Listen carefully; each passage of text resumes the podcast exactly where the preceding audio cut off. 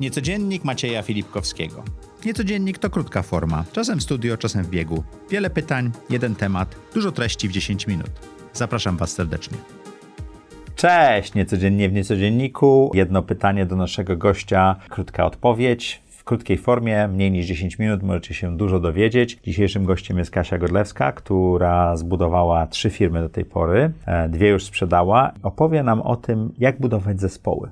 Nie tylko w startupie, ale generalnie jak najlepiej dobierać ludzi, jak tworzyć tą super organizację, dobierać wartości. Pięknie o tym opowiadałaś e, w audycji Zaprojektuj swoje życie. Tutaj chciałem dostać trochę więcej wiedzy w pigułce od Ciebie. No dobra, to może zacznijmy od tego, że oczywiście to jest trochę zawsze jajko czy kura. E, mhm. Nie ma firmy i kultury bez ludzi nie ma zespołu dobrego bez kultury i firmy. E, ja często budowałam zespoły od zera, tak? Kompletnie. Więc mogłaś tworzyć tą kulturę. Tak, więc całkowicie mogłam tworzyć tą kulturę. Pewnie nie zawsze to jest rzeczywistość e, każdej z osób. Natomiast dzisiaj to, co, o czym bardzo dużo myślę i bardzo proaktywnie myślę, to jest właśnie kultura firmy. Od początku, jaką tą firmę chcemy budować, opierając ją na jakich wartościach. I w Kiwi udało nam się ten proces bardzo fajnie przeprowadzić.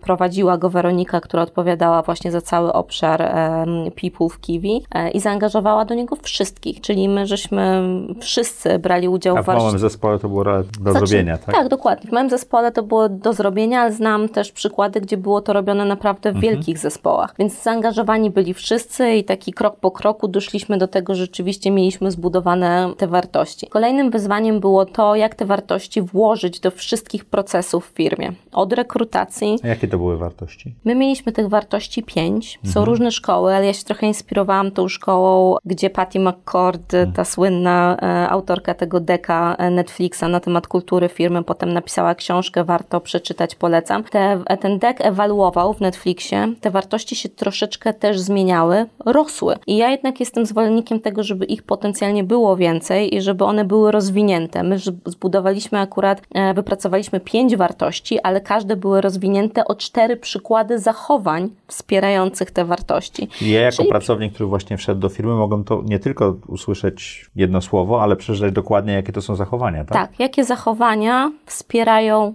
tą konkretną wartość. Mhm. I to były zachowania i wartości, które były już używane w procesie rekrutacji, były elementami różnej Twojej codzienności, biura, notesu, e, były fundamentem do procesów feedbackowych, które robiliśmy w firmie. Więc staraliśmy się, żeby one po prostu były zaszyte potem już w różne procesy, które e, w firmie się odbywały, a nie tylko takim sloganem, który wisi, może jest widoczny, ale mało taki praktyczny. E, więc to był, to był e, taki bardzo, bardzo ważny e, element budowania kultury firmy i budowania zespołów. Jak te, jak te wartości w Kiwi Jobs wprowadziliśmy, to rzeczywiście była trochę taka roszada w zespole. Kilka osób nam odskoczyło, kilka nowych bo, dołączyło. Bo nie pasowały do tych wartości, tak? Tak, może... może... Czyli jako lider trzeba być przygotowanym na tym, że, że taki proces robimy, to to może zaburzyć trochę tą organizację, tak? Tak, chociaż przez to, że jakby od początku tą firmę budowałam ja i te wartości były przez to trochę moje też od samego początku, to myślę, że nie mieliśmy takich dużo osób, które kompletnie do tych wartości nie pasowały. To się intuicyjnie i tak mhm. trochę działo, ale rzeczywiście spisanie tego i wykorzystywanie tego na każdym etapie wprowadziło jakieś takie małe, może roszady, tak? Mhm. Może nie jakieś fundamentalne zmiany, ale rzeczywiście było trochę w tym, e, w tym zespole e, roszad.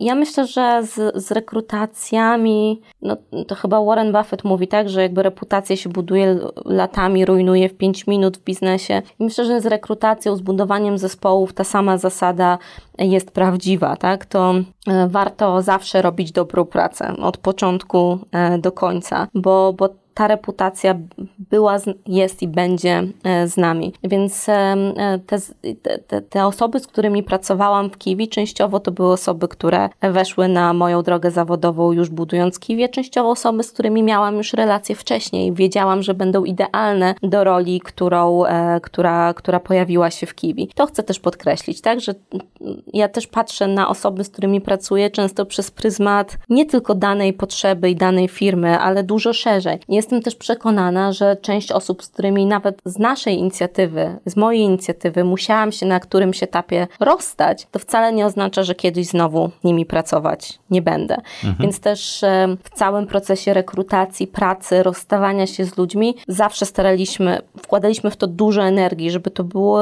wszystko jakościowe e, rozmowy, jakościowe relacje, nieważne jak trudne w danym momencie one e, musiały być, bo patrzymy na nie bardziej holistycznie, a nie tylko w danym e, momencie.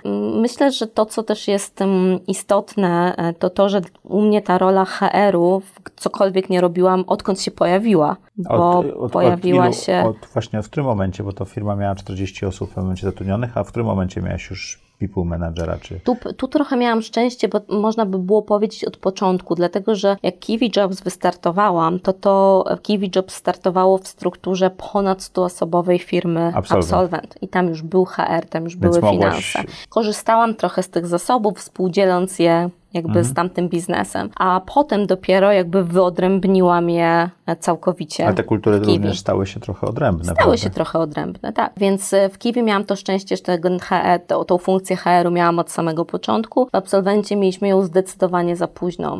Pierwsza osoba do zarządzania całym tym obszarem people dołączyła do nas chyba jak przekraczaliśmy 60 osób. Ale to jak jesteś to founderem i zaczynasz firmę, w ogóle o tym nie myślisz, tak? Bo masz zupełnie inny problem rozwiązania. Sprzedaż, tak. produkt, finansowanie nikt nie tak. myśli o tym, prawda? Tylko o tym HR-ze dużo się mówi, znaczy w ogóle w moim świecie o tym HR-ze no dużo się świat, mówi, bo ty... to jest mój świat, tak. dokładnie. Ale jest dużo takich dyskusji, nawet na poziomie dużych korporacji, czy HR powinien być w zarządzie. I ja teraz te dyskusje lepiej rozumiem, niż rozumiałam je na samym początku, bo ja uważam, że powinien być, ale to musi być odpowiednia osoba, tak? Nie każda Czyli nie funkcja, a osoba.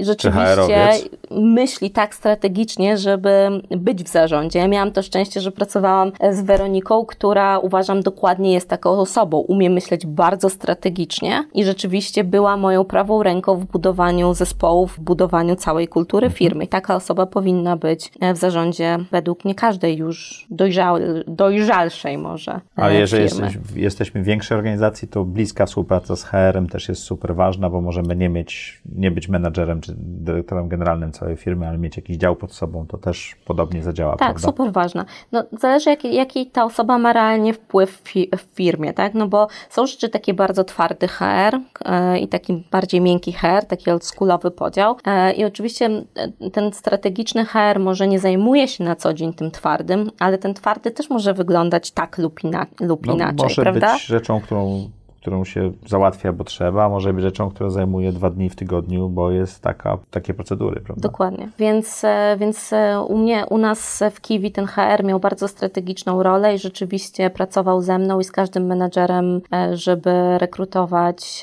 fajne osoby, ale myślę, że więcej energii szło w to, żeby potem ta codzienność była taka produktywna i Czyli taka dopasowana, angażująca. dopasowana do wartości, dlatego zatrudniałeś dobre osoby.